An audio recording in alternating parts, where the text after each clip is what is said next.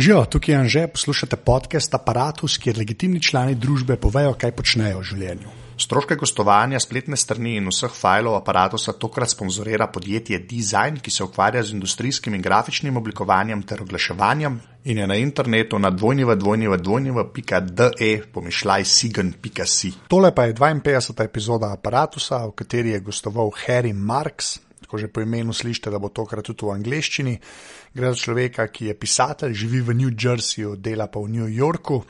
Sicer pa piše en odličen blog, curiousred.com, tam sem ga tudi jaz najdel, bo je pa tudi gože v parih podcastih, tudi v The Menu Baru, kjer sta bila sogostitla Zek in Andrew že gosta v aparatusu. Zdaj, da prej začnemo, še enkrat hvala vsem, ki ste dali aparatu so oceno v iTunesih. Kakršnega koli feedbacka sem vesel, tako da mi tešte na Twitterju oziroma prek maila anzeafnaaparatus.si. Če pa imate šanso, pa lahko aparatus tudi finančno podprete, to pa tako naredite, da greste na aparatus.si slash podpri. Evo, zdaj pa Harry. There we go. See, this sounds professional. Okay, I'm recording my end. This, we, we, we, we sound like we know what we're doing, so. Well, for now. Let's, let's wait till we start the show. that, I think we just did. um, so yeah, I had to turn off a lot of stuff because I forget uh, uh, the gadgets I get to review, and I forget how much stuff I have. Oh, okay. I to- I thought you meant apps Yeah, and stuff like Twitter or app.net or anything. Oh no, I just, I just, uh, I just like uh, turn off the speakers and don't bother. Oh, okay. Yeah, but uh, yeah, I have like four Android tablets here now. Wow. And they're all uh, uh, like I'm all, I'm signed in to all of them with my Gmail account. Oh, so they all go off at once. Yeah, and I had a I had a calendar entry for us for the record time. So at like uh, ten minutes to four here, uh, it, they just all started like going That off. is that is the new opening to Back to the Future. If they were to remake it, it would be a bunch of tablets going off all at the same time with their alarms. yeah, yeah. We we we're basically living in the future. Yeah. now. that's yeah. I think we are. Yeah. So yeah, I, I had to get that sorted, but I think I I got all of them. I think so. I I always say this at the start of episodes. I don't know why, but I'm usually at home when I record with the Americans and stuff. So Hmm. you know, I just need to you know turn everything off. So. Understandable. Uh, so, so we should start, and I'm, I'm just going to ask my first question, which is always the same. So, who are you and what do you do? Uh, I am Harry Marks. I run CuriousRat.com. I used to be a regular on the In30 podcast at In30.net. Um, I've popped up on a couple of others, uh, the Impromptu, uh, Enough with Patrick Rhone. Um, and I'm a writer for the most part. Uh, I've written two novels, still waiting to be published, and that's about it. Okay, so let's go into the writing first, and then we'll talk tech and argue. Okay. But uh, uh, the, the the two novels, like, uh, how much can you tell us about them? basically? Uh, the first one, the first one was really a, a proof of concept of, um, you know, can can I write a full length novel? And the answer was yes, barely. Uh, and I barely in both terms of word count and how it turned out. Uh, and I, I wrote a piece called "On Rejection" um, about basically querying the, the novel out to agents, getting them back. I sent it out 23 query letters. I got back 16 rejections and the others I just never heard from. And I figured, you know what, this is, this is what they always say with your first novel, you know, write it, throw it in a drawer and never let it see the light of day again. And that's probably a good idea. I, I think I refer to it as a, a work of ego stroking hackery. And the second one is um, a little more. They they both fell into. I didn't know this genre existed at the time, and it, it didn't when I was growing up. But it's called new adult, and it apparently encapsulates the age range of eighteen to late twenties, early thirties. Uh, that that second coming of age you're supposed to have in your mid twenties, I, I guess.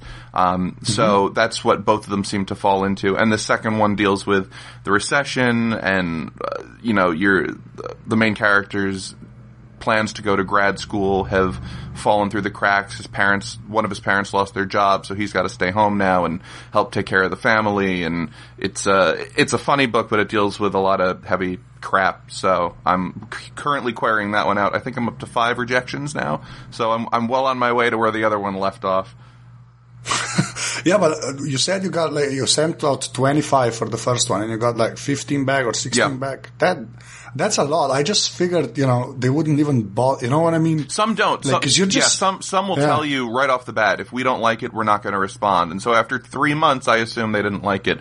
Um, and so, for the most part, almost all of them now, because it's all done through email and not uh, self-addressed stamped envelope anymore, they'll send back a form rejection. You know, we're sorry, this just isn't for us. Good luck with the, your future endeavors, kind of thing. So you think it was easier before when it was an actual letter and like you sent in a manuscript and stuff, or is it better now that it's email so you just get feedback? I think it's Faster. I think it's a double-edged sword. It's definitely easier for the sender, for the for the writer to get his work out there because you don't have to worry about printing it and then shipping it off to some, and paying all that postage and everything. You know, there's a lot less out of pocket. You're literally just exporting to a PDF or pasting into an email and sending it off to the agent or the editor and you know hoping you hear back.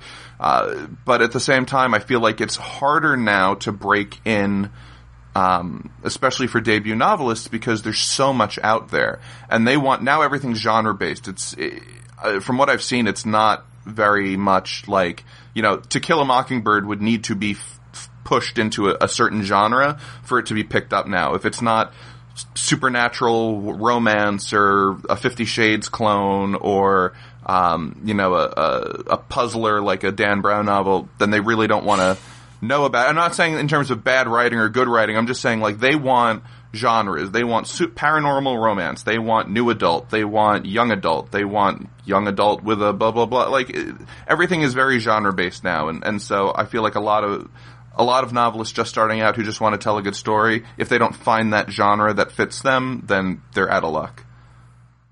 So where, where does the internet come in? Like you run uh, Curious Rat, Mm-hmm. right? But so how does that fit into the whole, you know, I want to be a writer and, you know, I'm starting out online. Well, Curi- But- Curious Rat started two and a half, three years ago. I've lost count now. Uh, but and it, and it started as your typical link tech blog. Uh, so cloning John Gruber or um, the Loop or anything like that. So I would post links, maybe a quote from a thing, and then two or three words of commentary, and then more longer posts after that.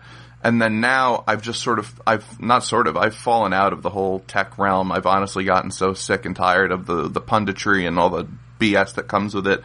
And I, I've drifted much more towards the creative arts and the stuff I link to. So writing, music, movies, fun stuff I find that someone else might not link to. That's really what I'm putting up there.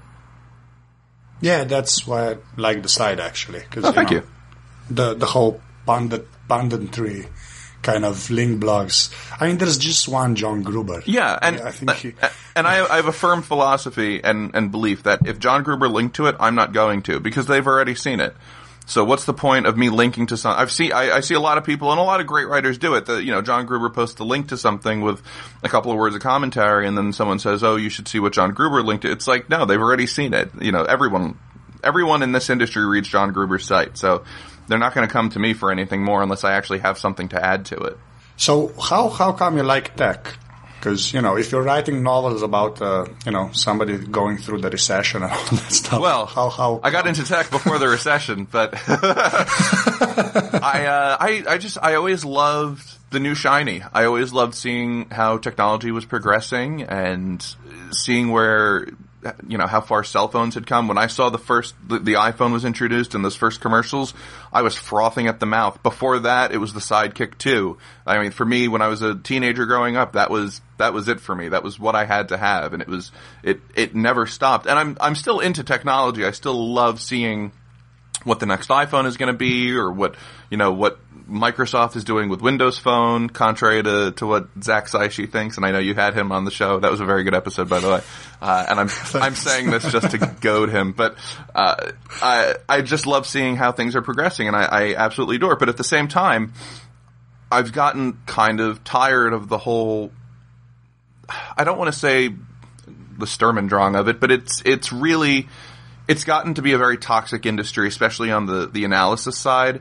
Uh, you've got the rumor blogs on one side with their nonsense. You know, is this the iPhone 5C? Is this the next iPad? Blah blah. Ah, who cares? I, when they show it, they show it. I don't care otherwise. And then you've got the the Yahoos and the Forbeses and Wall Street journals with the constant Apple bashing because page views and headlines. And then you've got really the only tech blogs I subscribe to anymore, The Loop and John Gruber, 512 Pixels, you know, personality driven uh, with smart commentary, stuff that's actually worth reading.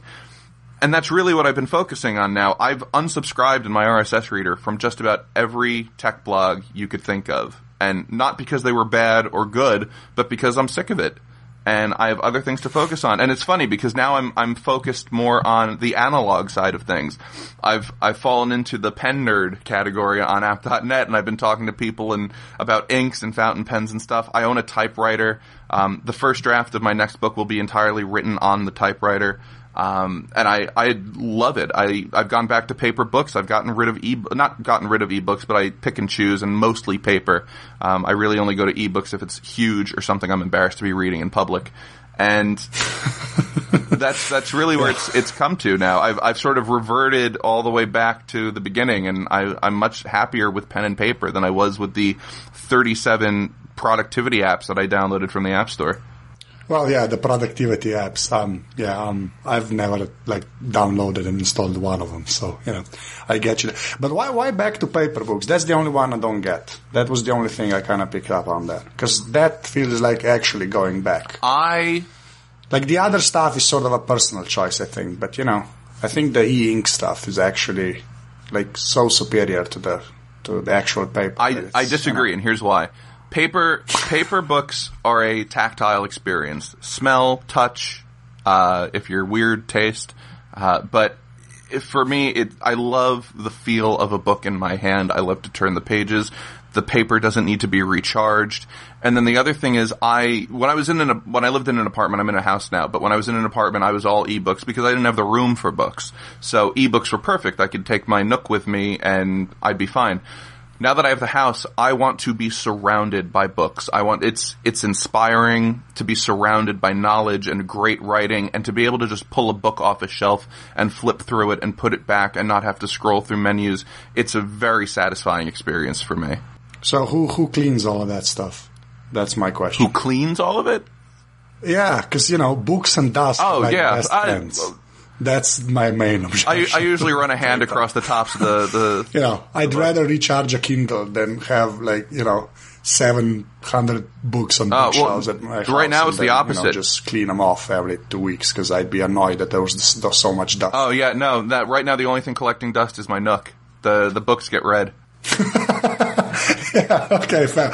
Well, you know, but when you're done with them, they kind of just sit there, don't they? Oh yeah, but I, I find it a lot easier if I need to reference something to just pluck the book off the shelf and flip to the page than have to scroll through and then have to find the page and the, you know, either tab through with my thumb or if it's a touchscreen like an iPad, you know, find it that way. It's, for me, it's always been easier to just go right to the book. Okay, well, that it makes sense then that you're doing the next book on you know typewriter, I guess. But what does that mean, a typewriter? Like, like one of those old timey ones, or like an IBM thing that's almost a computer? No, well, it is a manual typewriter from 1958, 1959. It's um, it's very clicky clacky. It is the, it's even clickier than a Matias Tactile Pro and it's it's absolutely amazing. It's a it's a hulking piece of metal, and it is a beautiful work of engineering, and I adore using it. So then I, am guessing you're on a, on a mechanical keyboard, right?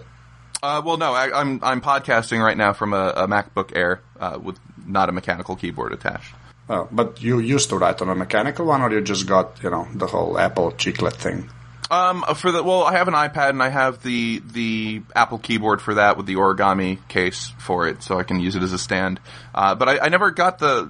Honestly, came down to money. I just never had the money to spend on a mechanical keyboard. Like I wanted a tactile Pro. I love the sound of the clacky keyboard. I just never had the money for it. Yeah. I, I have a SteelSeries G6. It's like it's supposed to be a gaming keyboard, but it's not really. It really looks like an adult keyboard, which is why I bought. Oh, it.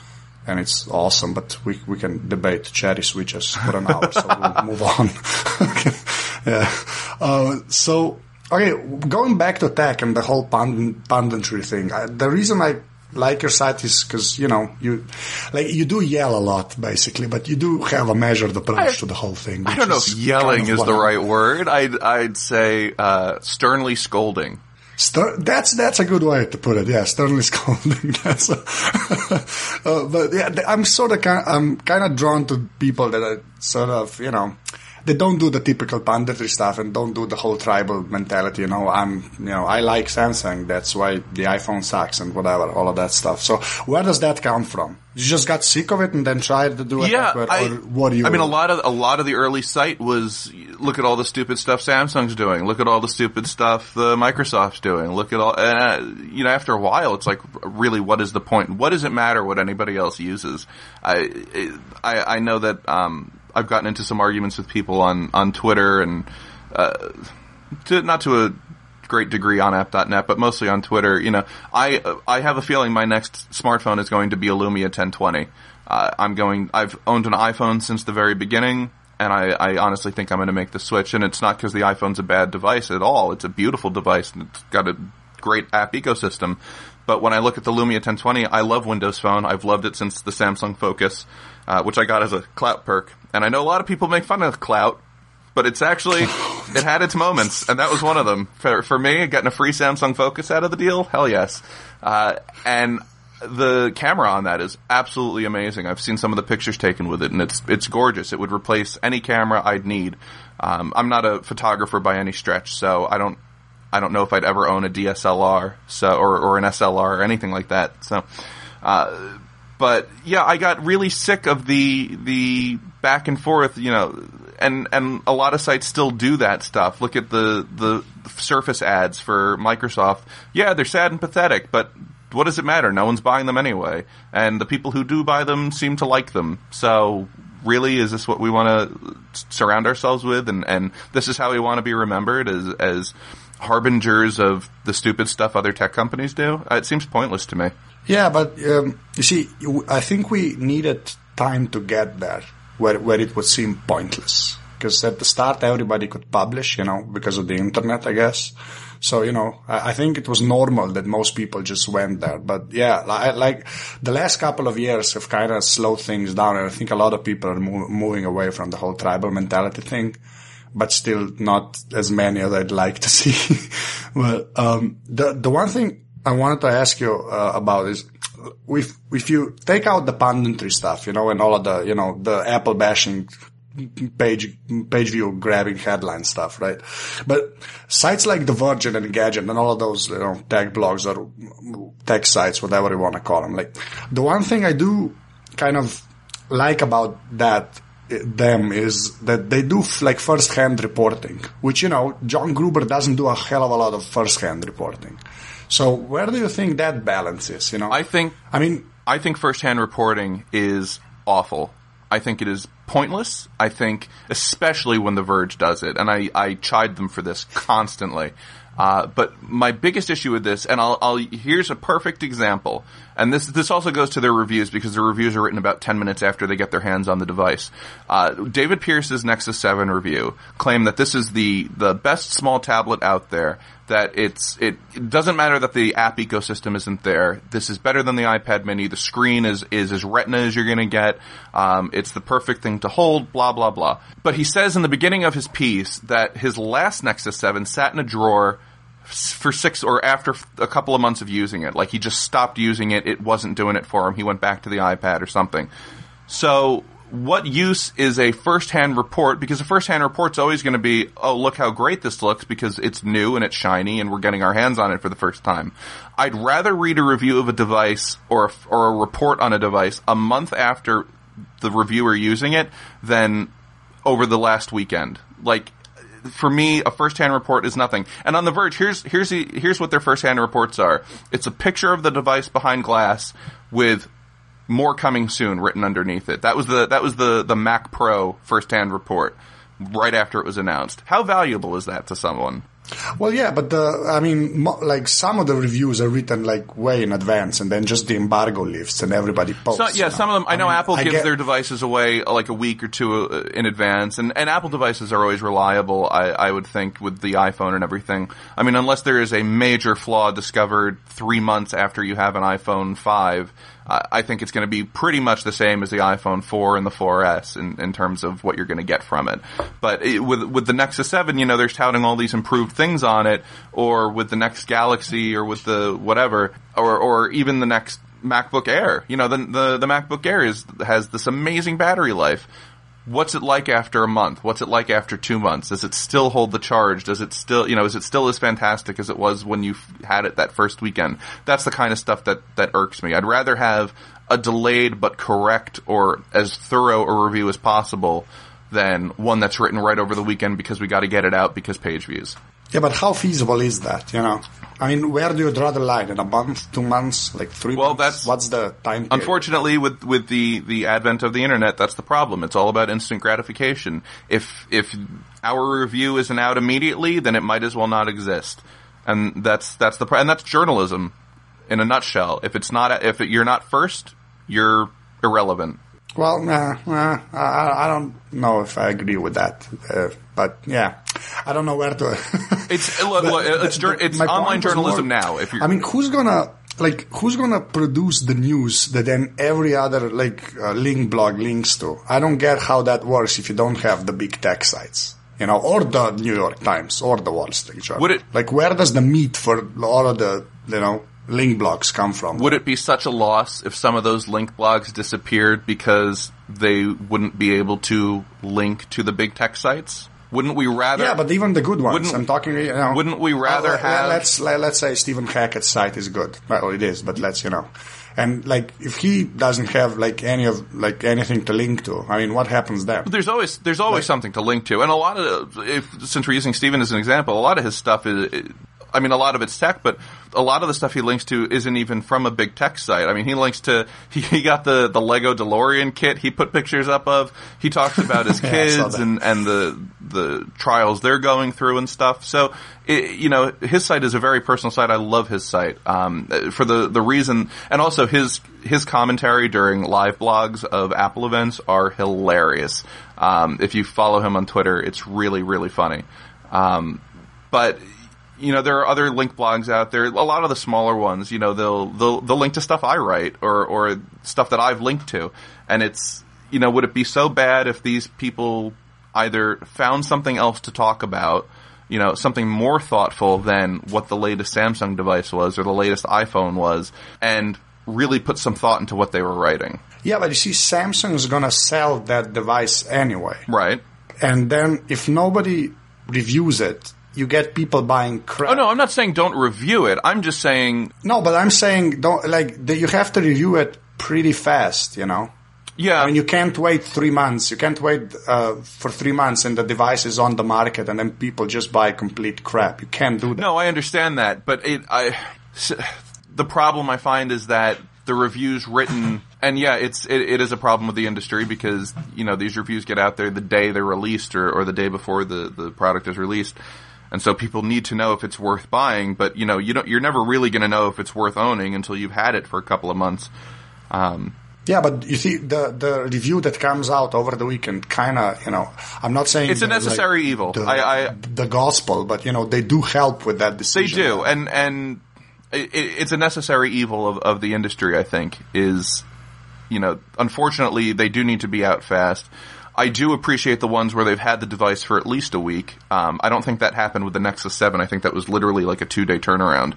Um, but you know, with the iPhones and the the MacBooks, usually the big tech sites or the big names like Gruber and the Loop, they get I'd say a week in advance uh, of testing it.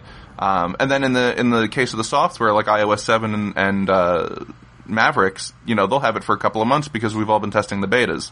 So Yeah, well, that's true. But yeah, okay, so we can move on. I think we we we almost came together at the Almost. end. but- That was close. almost. um, so I just wanted to ask you, like, so you're gonna let's say you're actually gonna get the Lumia, Okay. right? But you're basically in like you you, you use Apple stuff, and we'll get your hardware like the individual hardware later on. But wh- why why uh, like OS X and you know uh, iOS? Why why did you gravitate toward that, um, toward that? OS ten as a consumer, as a consumer.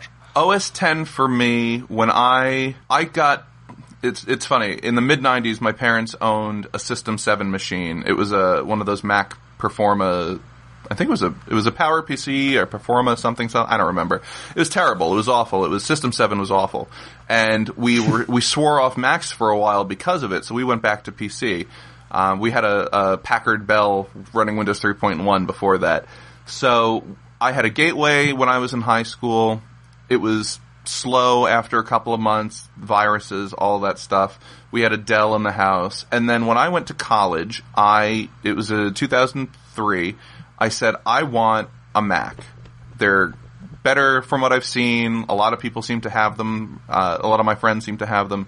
So I had the titanium PowerBook, the 15 inch, uh, and it was amazing. It was my favorite computer at the time. It was just the coolest thing ever. It was fast. It was easy to use. It was intuitive. And ever since then, I've been on Macs. And now that I'm on the 13 inch MacBook Air, the Ma- this 13 inch MacBook Air really is the best computer I've ever owned. Um, I don't have to worry about it. The the issues that I have had with Macs in the past, the Genius Bar has been able to help. That's one thing where I, I never really got behind the whole PC thing. Is customer support was atrocious. Um, and the the apps I use. I love it when Americans talk about customer support because it actually exists over there. But yeah, that's another story. Yeah. Just go on. Sorry. Um, I, let me tell you, the, the one place for customer support, uh, and you actually get to talk to a human being, hover.com. And I know they're not a sponsor or anything, but I host Curious, I, I uh, registered Curious Rat with them. Hover.com, you call, you get a human being that will help you through there immediately. It is amazing.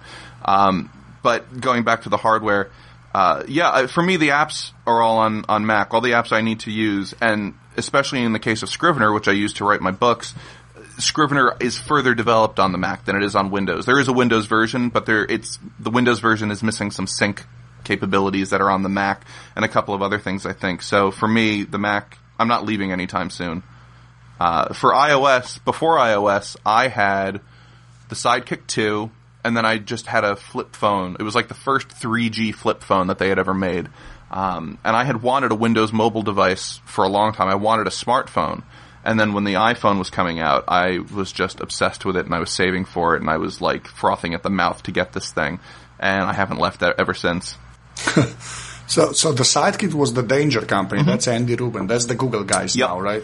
Yeah, they were, they were bought by Microsoft. Oh yeah, to do the kin and stuff, Yeah. right? But most of them then went to do Android, I think. Yeah, the Sidekick 2 was a good piece of kit. It was solid. It was, uh, Yeah, we never got those phones. Oh, really? We we I've never seen one like ever. I've seen pictures of it, but uh, they were not on sale here. I think that was just an American thing. Yeah, it was my first QWERTY keyboard phone. It was, uh, and I never liked hardware keyboards. That was alright though, but, um, I have large hands, so I never really got into the whole, I have a work Blackberry. I hate the stupid thing. I can't type on it. Well, yeah, okay. I don't know how large your hands are, but I'm six foot eight, so I I, I bet. Oh wow, you're, you're even taller. I love. I'm six three, and I, I have large hands. Wow, okay. Although I, I did use Nokia's most of the time. That's Alright, I have to ask you the question I always get asked. Did you play basketball?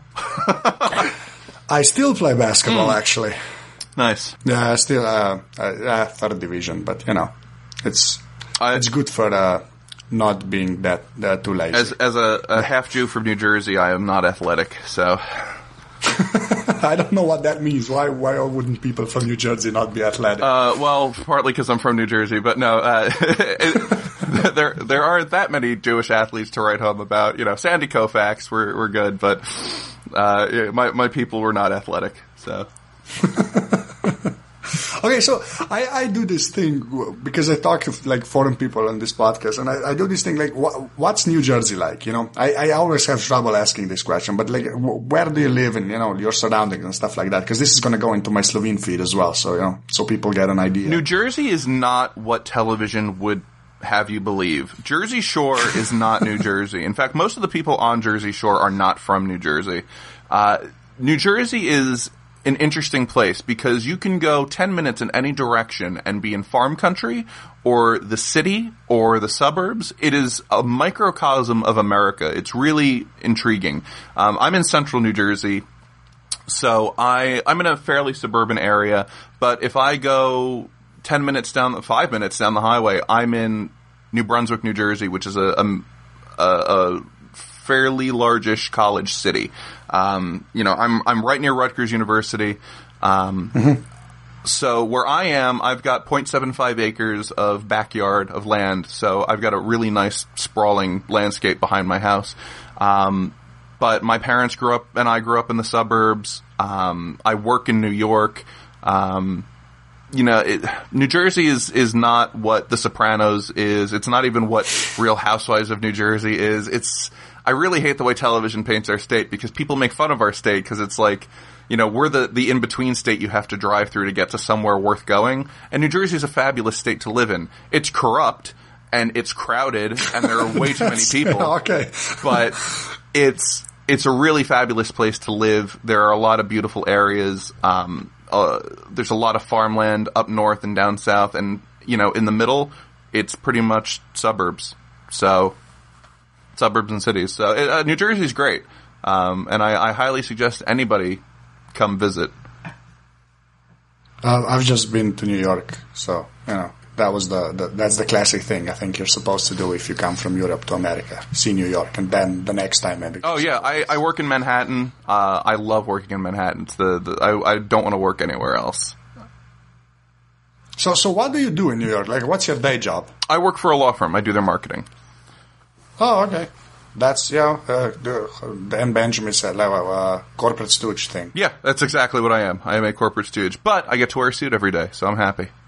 okay, I would die if I had to wear a suit every day. But yeah, okay, I get that.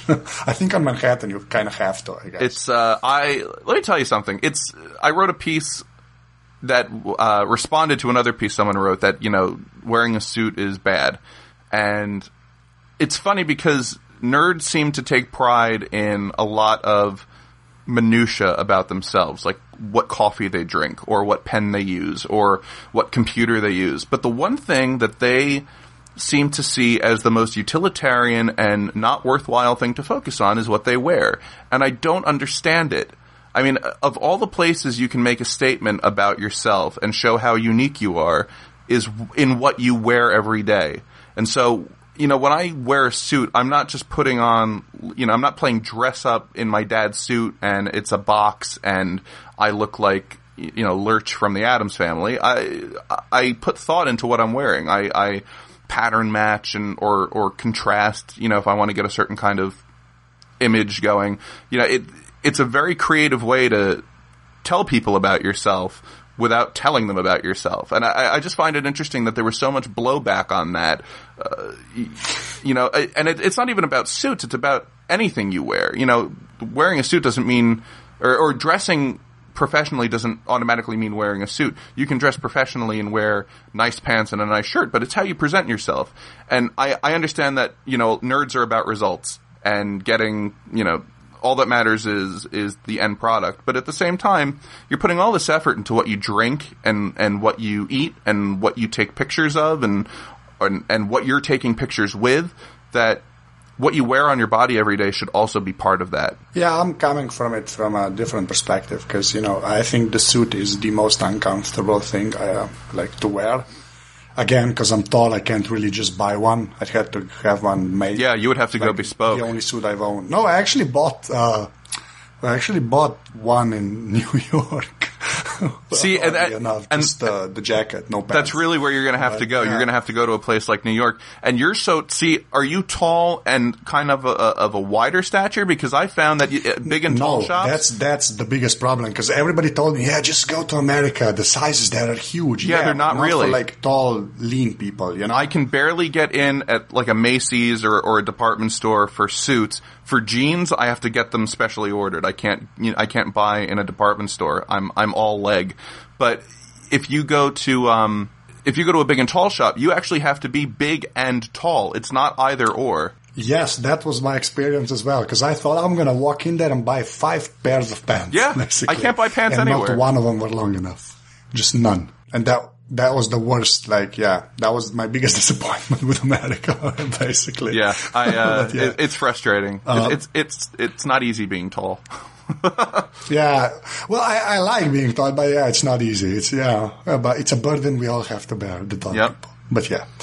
Um, so okay, let, us go to the hardware and software now. Okay. So you know, uh, I mean, you talked about it, but the the stuff you really use now, and uh, I I want to talk to you about the NUC as well but uh, so let's go to the computer and the iPhone. What do you have okay. at the moment? So the computer I have is the 13-inch MacBook Air mid 2011.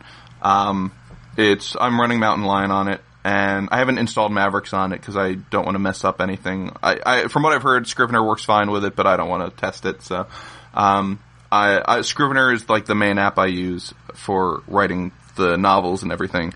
Um, for blog posts, I use it's called Markdown Pro, and it's um, it's a, an app. On the left side, you get you write in Markdown, and then on the right, you get a preview of it uh, of what your blog post is going to look like. So it indents everything. It'll italicize if you put the asterisk around it. All of that.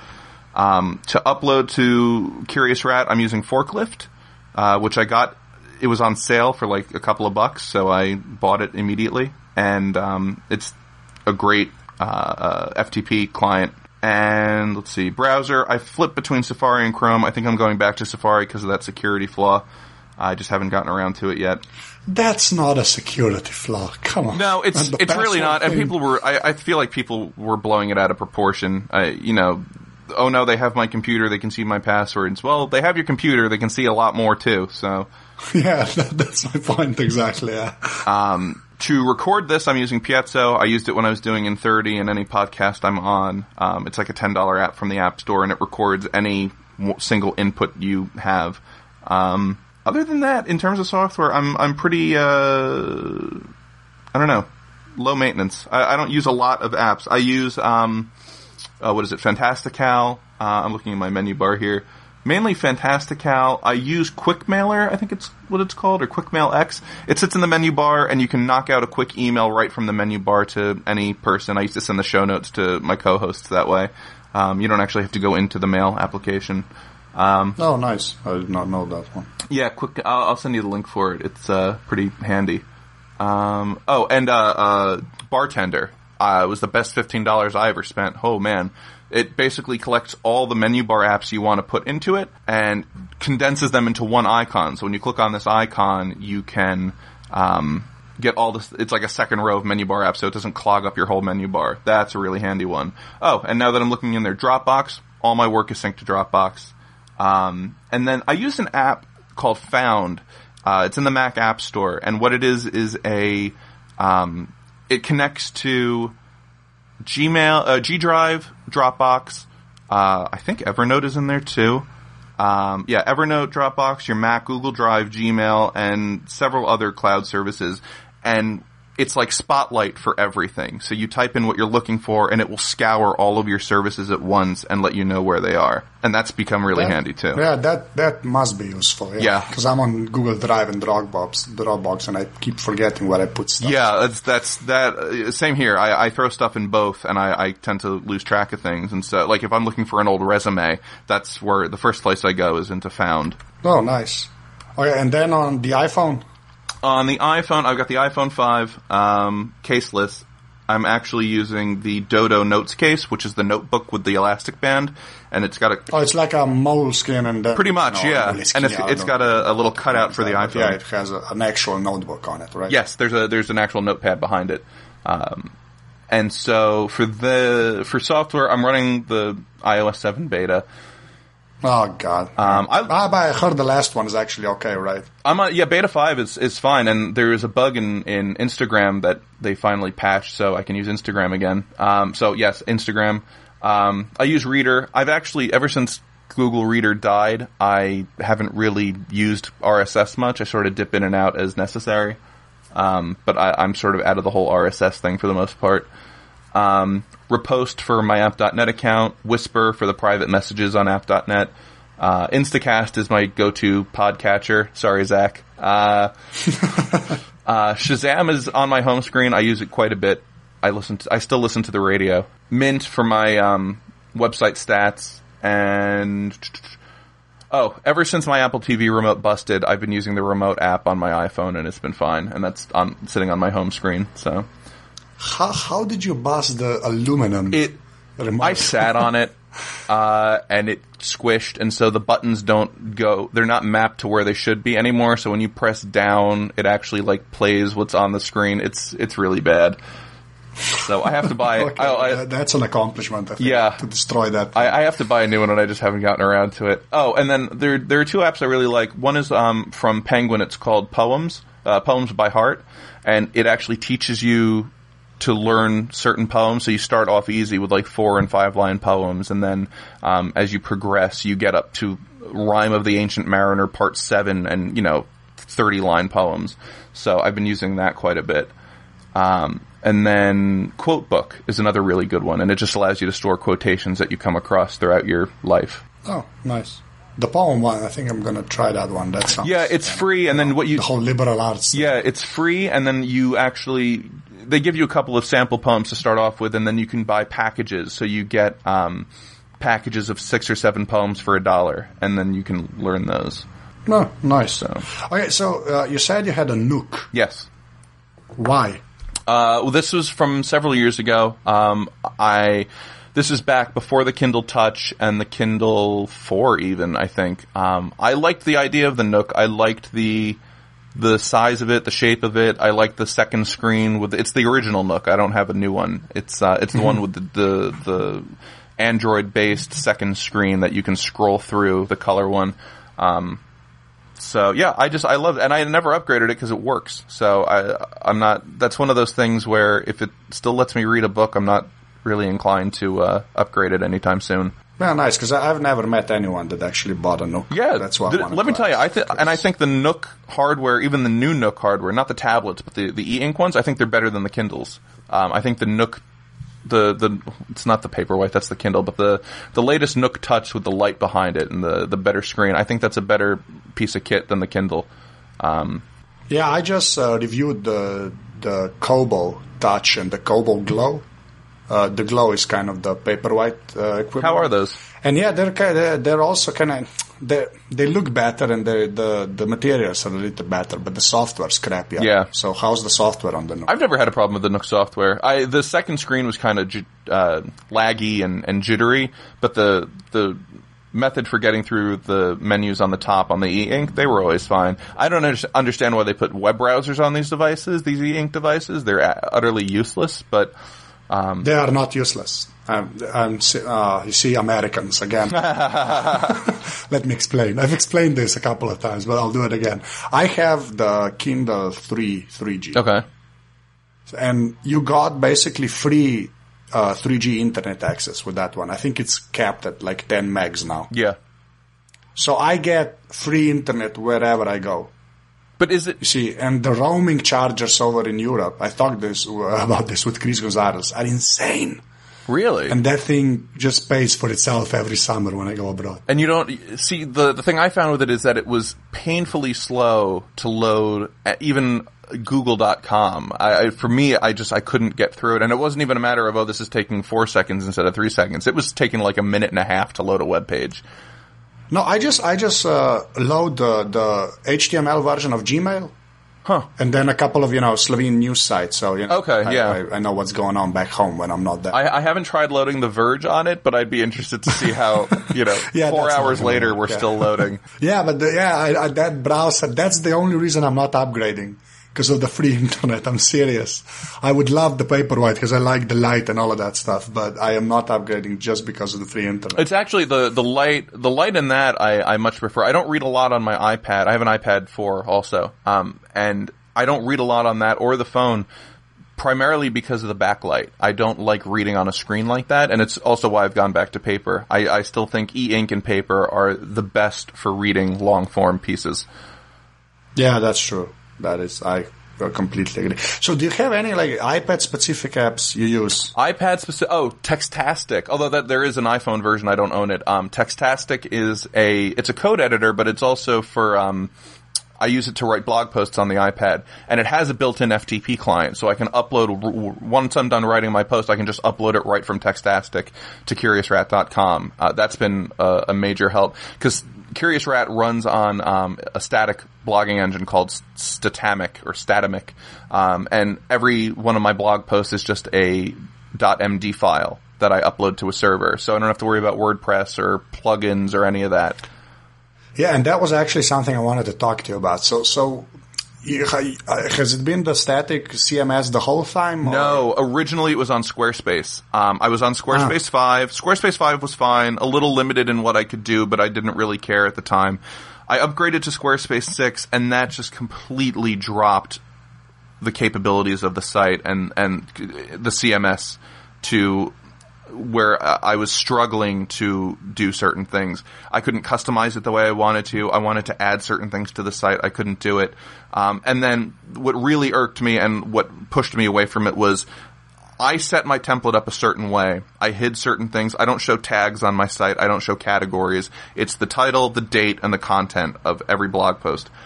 I would come back to my site after a day and suddenly my template changed and I could see tags again because Squarespace decided to update something in the back end and didn't tell anybody. And so I would file bug reports and say, this needs to be fixed. How do I get rid of this again? You guys keep changing it. And they'd either once I think they actually were able to help me, but after that it was like, oh well, there's nothing we can do about it. And I said, you know what, fine, I'm done. I'm not paying for this anymore. I'm I'm not getting what I'm paying for. So I, it was like thirty five dollars, thirty six dollars for a, a Statamic license. Downloaded it, installed it. I was up and running in ten minutes. The longest part of the whole thing was reconfiguring the design of the site. So I basically I had two windows open. I had um, a local a local version of my new site running, and then a page with Squarespace open so I could copy and paste styles left and right so I could get the look of my site back the way I was. And then once I was done, I closed my account on Squarespace and left. Okay. So are there any like drawbacks to the whole static CMS, like stuff you maybe miss uh, that was on Squarespace and it's not available anymore? Um, yeah, I mean, Square a lot. Squarespace automated a lot of stuff. The the big thing for me was um, the way Squarespace scaled visitors. I've been fireballed once or twice. I've been on the loop several times, and when you get linked on one of those sites, your stats just skyrocket. So Squarespace handled that like a pro, and for twenty dollars a month, even if I had fifty thousand hits to the site they didn't care. I was still paying the same $20 a month. I'm on Media Temple now, and the first version of Statamic I was running didn't have the kind of caching I needed to accommodate that load. So I had been linked on the loop, and then suddenly my bill shot up to $100, and I should have been paying the $20 the same twenty dollars I was paying on Squarespace. So uh, that the first couple of months were a little rough with that. Um, and then also everything is is DIY now. If I need to add something to the site, I've got to do it myself, it, which is a blessing and a curse. I'm glad that I have that kind of control, but I'm not a tinkerer. Like once it's set up, I just want to leave it and go. But if I need to change or add something, I kind of miss the way the CMS that Squarespace had. It, uh, it, it made certain things a lot easier. No, see, I, that was actually that's my second to last question, and you kind of brought it up. So kudos. Yeah, thank you. Uh, and then my last question, which is also always the same. Uh, what would be that one physical thing that you thought was kind of made for you? You know, you might still have it, you might not anymore, but that one thing that actually kind of made sense to you in a way that other stuff doesn't. It just has to be something physical. It doesn't need to be a gadget, or it can be a gadget. Something, something physical like. that was just made for me. That yeah. Hmm. It's a good question. Thank you. uh, you know, I'm gonna say, uh, and I, have been a, a a saxophone player for 20 years. And I'm going to say the saxophone I have now, I've had it since I was a teenager. Um, that, that horn and I have been inseparable for, I'd say, since, since I got it. And I just, I know that horn inside out and the sound I get out of it is unparalleled. And that, that instrument for me is just, that was made for me. Awesome. I've never, uh, nobody has said it like a musical instrument before, so awesome. That's a great answer. Oh, thank you. um, Harry, that, that's pretty much it, dude. Thanks for doing this. This has been awesome. Thank you. I don't, ever since I left N30, I don't get the podcast that much.